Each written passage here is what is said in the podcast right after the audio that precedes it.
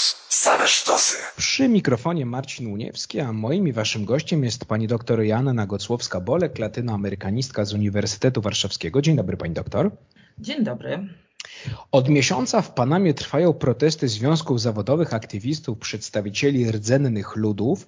Blokują oni główne drogi w kraju w sprzeciwie wobec E, kontraktowi górniczemu. O tym, dlaczego do tych demonstracji dochodzi, cóż to za kontrakt górniczy, to powiemy za chwilę. Ja bym chciał Pani doktor na początek zapytać o sprawę, która spowodowała, że o sytuacji w Panamie usłyszał cały świat, również w Polsce o tym się dużo mówiło. Sześć dni temu emerytowany profesor stojąc w korku, no właśnie spowodowanym blokadą jednej z dróg w Panamie, wyszedł z samochodu, i z zimną krwią zastrzelił dwóch aktywistów. On się chwilę z nimi pokłócił, wyjął pistolet i ich zastrzelił.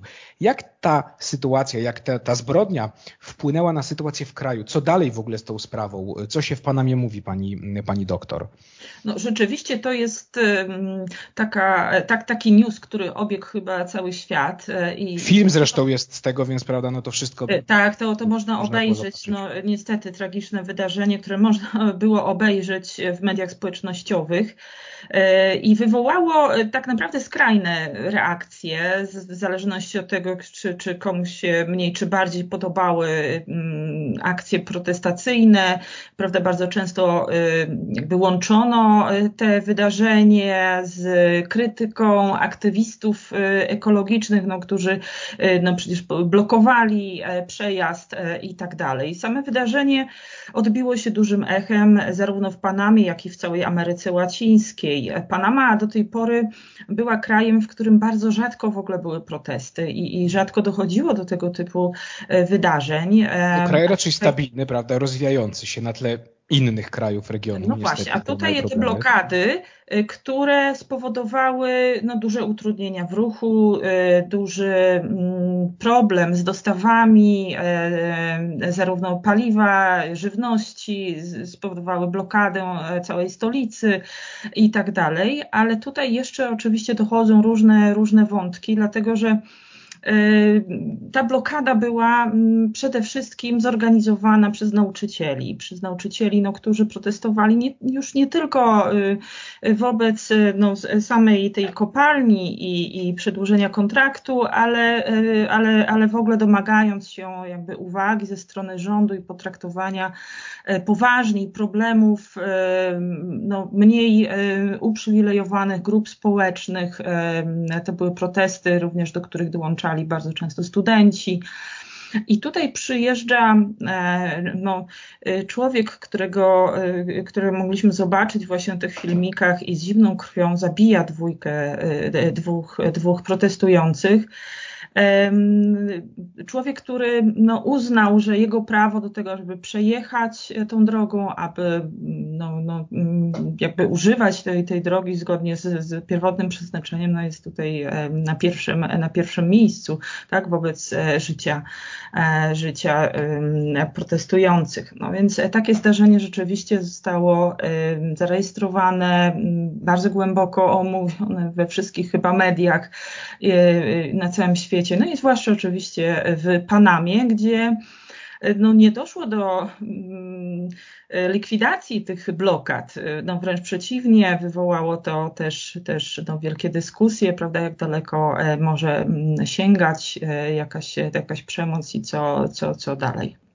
Powiedzmy Pani doktor w takim razie, cóż to jest za umowa, czy też kontrakt? Ja tylko od siebie dodam słowem wstępu. 20 października rząd Panamy przedłużył prawo do, do wydobycia dla spółki Minera Panama, no a spółka w nazwie ma Panama, kontroluje ją w większości kanadyjski gigant First Quantum Minerals, który zresztą jest y, obecny praktycznie w całej Ameryce y, Łacińskiej, Południowej, no ale to temat też na inną rozmowę. Co zakłada, co ma być wydobywane, czy co jest wydobywane, pani doktor, o jakich my kwotach w ogóle mówimy, no bo to jest gigantyczna y, inwestycja.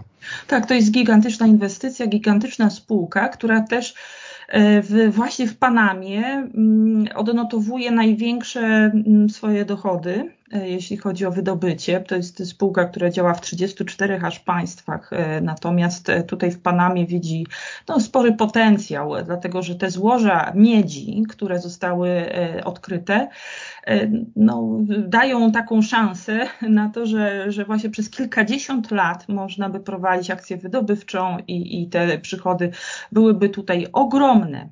E, to jest e, firma, która prowadzi e, wydobycie miedzi metodą odkrywkową. Z definicji, tak naprawdę, jak sobie popatrzymy na wszystkie dotychczasowe inwestycje tej, tej firmy i podobnych, są one bardzo no, niestety niszczycielskie w stosunku do e, przyrody, do e, tej bioróżnorodności, no, która w Panamie jest e, niesamowita i jest bardzo cennym przecież zasobem, ale też wobec mieszkańców okolicznych. I to właśnie przekłada się przede wszystkim na protest ludności tubylczej, która w okolicy mieszka, chciała chciałaby prowadzić e, e, hodowlę, e, chów zwierząt i uprawia jakieś produkty, no przede wszystkim to są, to są owoce, to jest kawa, to jest kakao i, i, i tak dalej. Natomiast no, działalność tej firmy były to uniemożliwiła. Natomiast w ramach takiego kontraktu do budżetu miałoby, budżetu państwa miałoby wpływać 375 milionów dolarów rocznie. To jest sporo, y, jeśli chodzi o budżet y, Panamy. Dlatego, Zatrzymamy że... się, pani doktor, tutaj, dobrze? Ja za chwilę wrócimy w drugiej części. Ja panią zapytam, no właśnie, jak ta inwestycja jest ważna dla Panamy w kontekście mm, turystyki chociażby, czy kwestii z kanałem panamskim, to o tym za chwilkę. To jak ta inwestycja jest ważna dla Panamy, bo część ekspertów zwraca uwagę, że no tak, turystyka wciąż podnosi się po pandemii. E, kanał panamski zaczyna mieć problem ze swoją przepustowością. E, no a tutaj właśnie, a tutaj mogą być żywe zyski, żywa gotówka może być z, z tej inwestycji, czy z podobnych inwestycji. No i właśnie, 375 e, milionów dolarów obiecywane co roku przez, przez tę firmę jako wpłata do budżetu Panamy, to jest dużo, to jest około 5% E, całego produktu krajowego brutto. No więc mm, warto, prawda, z jednej strony. Z drugiej strony e, też pojawiają się e, różne analizy ze strony ekonomistów i, i z regionu i spoza regionu, no, które wskazują, że to jest jednak za mało na tak dużą inwestycję i że Panama mogłaby tutaj powalczyć o więcej. Jaki mógłby być efekt również ekonomiczny zniszczenia środowiska i zniszczenia tej bioróżnorodności w jakimś dłuższym, w dłuższej takiej perspektywie, no to jest trudno wyliczyć. Jakie mogą być koszty również ekonomiczne, konieczności przesiedlenia części e, ludności, obniżenia wód e, powierzchniowych, e, gdzie Panama już dzisiaj ma ogromne problemy z dostarczeniem wody pitnej i z uzdatnianiem tej wody pitnej. Jakie mogą być koszty takie dalekosiężne niszczenia środowiska? Panama jest jednym z krajów, w ogóle Panama sama twierdzi, że ma największą na świecie bioróżnorodność, chociaż tutaj Kostaryka no, też walczy prawda, o, o miano tej, tej największej bioróżnorodności. No, w każdym razie zniszczenie części, sporej części, tak jak mówiliśmy, to jest kopalnia odkrywkowa, więc ona działa na dużej powierzchni i rzeczywiście te zniszczenia środowiska są, są tutaj znaczące. To może mieć duży wpływ na zarówno na środowisko, jak i właśnie na przyszłość turystyki i, i, i na wiele różnych aspektów, już pomijając oczywiście kwestię tego, że trzeba przesiedlić, dać w jakiś sposób, zapewnić jakiś sposób na życie no, no, tym mieszkańcom, no, którzy byliby pozbawieni tych swoich miejsc dotychczasowego życia, czy, czy nie daliby rady po prostu uprawiać w dalszym czasie no, swoich tych gospodarstw rolnych. A jak pani doktor, to jeszcze zostańmy przy tym właśnie, jak ta sytuacja e, gospodarcza, no bo to mówię, to jest ten jeden z tych głównych argumentów, że no jak nam z kanałem panamskim idzie gorzej, bo jest mniejsza przepustowość, no to tutaj na przykład zaróbmy. Czy faktycznie, to już poruszmy kwestię też kanału panamskiego. E, proszę powiedzieć, jak to wygląda, czy faktycznie jest tutaj problem z, no właśnie, z przepustowością, no bo to, to dzięki temu też Panama zarabia, e, czy zarabiała ogromne pieniądze.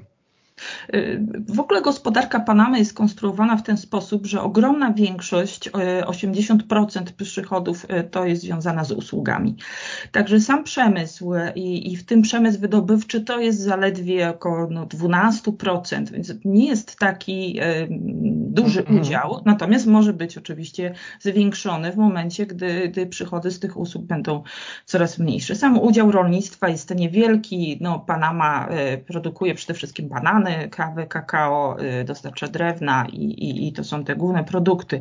Natomiast tutaj, jeżeli mówimy o kanale, który jest na pewno głównym takim źródłem przychodów i w ogóle działalności. Z tym atrakcją turystyczną też, co, co tutaj nie mówić, może w mniejszym stopniu, ale... 6% tak, produktu krajowego brutto y, Panamy. Natomiast no, są problemy oczywiście z tym kanałem i to, to zwłaszcza w ostatnich dniach też dobiegają takie informacje, że e, Panama zdecydowała się ograniczyć e, liczbę e, statków, które przekraczają przez kanał, no z racji tego właśnie, że poziom wód jest bardzo niski. Pora sucha trwa wyjątkowo długo i tutaj zjawiska klimatyczne, takie jak El Niño, no, które zapewniały wcześniej jakby dostawę tych wód, wód Y, z których potem zasilano ten, ten, ten kanał. No, dzisiaj to wszystko jakby jest zupełnie, zupełnie inaczej poukładane, no bo mamy y, zmiany klimatyczne, które bardzo silnie na Amerykę Centralną wpływają. No i w tym, w tym właśnie utrudniają funkcjonowanie kanału. To co na to rząd Panamy? Czy są jakieś próby negocjacji, e, próby rozwiewania obaw, jakiejś argumentacji, że to będą miejsca pracy, że nie wiem, zadbamy o środowisko, czy raczej, e, czy raczej no nie ma mowy o wypowiedzeniu kontraktu, czego się domagają. E, policja, tylko dodam, mówi panamska, że jest gotowa użyć siły, jeśli będzie trzeba, oczywiście, żeby drogi odkorkować. No, rząd Patamy y, wydawał się po, y, y, początkowo dość zdziwiony, zaskoczony taką sytuacją, dlatego że bardzo rzadko się w Panamie zdarzało, że rzeczywiście dochodziło do protestów. Natomiast tutaj protesty nasilają się i, i właśnie ten początkowy brak reakcji zdecydowanej ze strony rządu, a później no właśnie to, że doszło do takich tragicznych wydarzeń, to nie są jedyne jakby osoby, które zginęły w związku z tymi protestami. Doniesienia jeszcze mówią o dwóch innych innych, e, e, które no też, też przy tej okazji niestety straciły życie. Więc po wybuchu protestów rząd chciał wycofać się z, z tej zgody na, na dalsze prowadzenie kopalni przez 20 lat, prawda, bo to jest kontrakt, który miałby przez dwie dekady obowiązywać i potem mógłby zostać przedłużony na kolejne 20 lat. No więc rzeczywiście tutaj zde, zdeterminowałby najbliższe dziesięciolecia w ogóle, jeśli chodzi o gospodarkę Panamy. E, padł pomysł zorganizowania referendum, w którym Panamczycy mogliby się wypowiedzieć.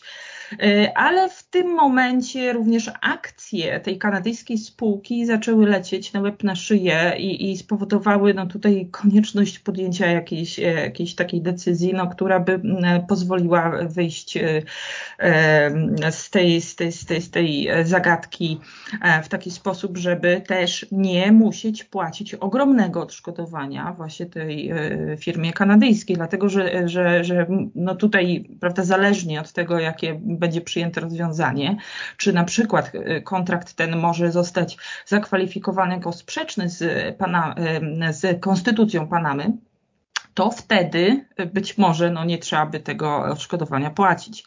Y, jak to będzie wyglądało, trudno jest powiedzieć. W następnych dniach ma tym, tym się zająć Kongres Panamy.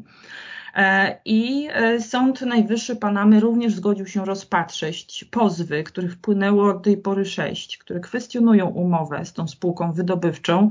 No a rząd, który przygotowuje się, czy, czy prezydent obecny, który przygotowuje się do, do kampanii przyszłorocznej, więc to jest też szczególny czas, no, wyszedł z taką propozycją, żeby pewne moratorium na wydobycie tutaj ogłosić i powstrzymać się z, z takimi decyzjami. To nie jest proste, tak jak mówię, nie można sobie z dnia na dzień teraz wycofać się z tego kontraktu. Z pewnością spółka kanadyjska będzie dochodziła też swoich praw przed arbitrami międzynarodowymi i tutaj może by się okazać właśnie wycofanie się też kwestią bardzo kosztowną dla Panamy. Panie doktor, jeszcze dopytam e, Panią o jedną rzecz, no bo częścią tych, tych, czy część tych protestujących, e, no to są przedstawiciele właśnie, e, to są przedstawiciele ludów rdzennych. Czy jak ta sytuacja ich, oczywiście nie wchodząc super w szczegóły, jak sytuacja rdzennych mieszkańców wygląda w Panamie? No bo wiemy na przykład z Brazylii, prawda, sytuację, kiedy, kiedy po prostu byli wyrzucani, zabijani, kiedy, kiedy karczowano po prostu Puszczę Amazońską, to taki jeden z głośniejszych przypadków chociaż mm, teraz y, mm, te, ten proceder trochę spadł po, po zmianie władzy. Natomiast właśnie jak to w Panamie wygląda? Czy tu mówimy też o, o, o pewnym, że to jest grupa w pewien sposób upośledzona w takim sensie materialnym chociażby. Czy, czy to aż tak źle nie wygląda w Panamie? No, Panama jest jednym z najbogatszych e, krajów w Ameryce Łacińskiej, w ogóle jednym z takich najszybciej rozwijających się, zwłaszcza po tym, gdy Panamczycy przejęli kontrolę nad e, kanałem, to w ciągu ostatnich mhm. 20 paru lat, po prostu gospodarka wystartowała i wskaźniki wzrostu gospodarczego są po prostu imponujące. Nawet w zeszłym roku to jest powyżej 10%. E, więc e, e, i to jest, to jest dużo. I, I ten standard życia jest naprawdę imponujący. Jak sobie popatrzymy na zdjęcia chociażby ze stolicy Panamy, no to przypomina Dubaj czy, czy Singapur. Zresztą w ogóle jest zwane Singapurem Ameryki Łacińskiej. Ale te nierówności społeczne są ogromne. E, czyli mamy też e, no, grupę uprzywilejowaną, która korzysta bardzo e, silnie na tym wzroście gospodarczym, na tym, że Panama jest drugim, najważniejszym na świecie, największym na świecie centrum usług bankowych i finansowych po Szwajcarii. Natomiast niestety, ale duża część społeczeństwa nie korzysta z tego wzrostu, pozostaje e, poniżej granicy ubóstwa i to są przede wszystkim przedstawiciele właśnie ludności rdzennej. E, I ta część ludności najbardziej by ucierpiała i najbardziej straciła no w momencie, gdyby ten kontrakt z kanadyjską spółką wszedł w życie, no nie patrząc na to, jak wielkie jednak przychody dałby samej gospodarce i prawdopodobnie jakimś konkretnym urzędnikom, którzy być może gdzieś tam przy okazji jakieś swoje e, wynagrodzenie przyjęli, bo to też pojawia się taki temat, że gdzieś tam jakieś korupcyjne e, umowy są gdzieś e, w tle. Także nie jest niestety w ten sposób, że wszyscy korzystają w równym stopniu na tym wzroście ekonomicznym. I tutaj również ta niesprawiedliwość jest podnoszona jako y, y, pierwszy i główny cel tych protestów, ale też upominanie się właśnie o te bardziej zaniedbane obszary. I stąd też w tych protestach uczestniczą nauczyciele, studenci, uczniowie, y, różne grupy, które no, no, no chcą jakby tutaj większej uwagi rządu i tej uwagi do tej pory się nie doczekały. I tutaj kropkę stawiamy, tylko dodam, w poniedziałek protestujący powiedzieli, że na 12 godzin odblokują drogi, żeby trochę ulżyć kierowcom, ale wracają.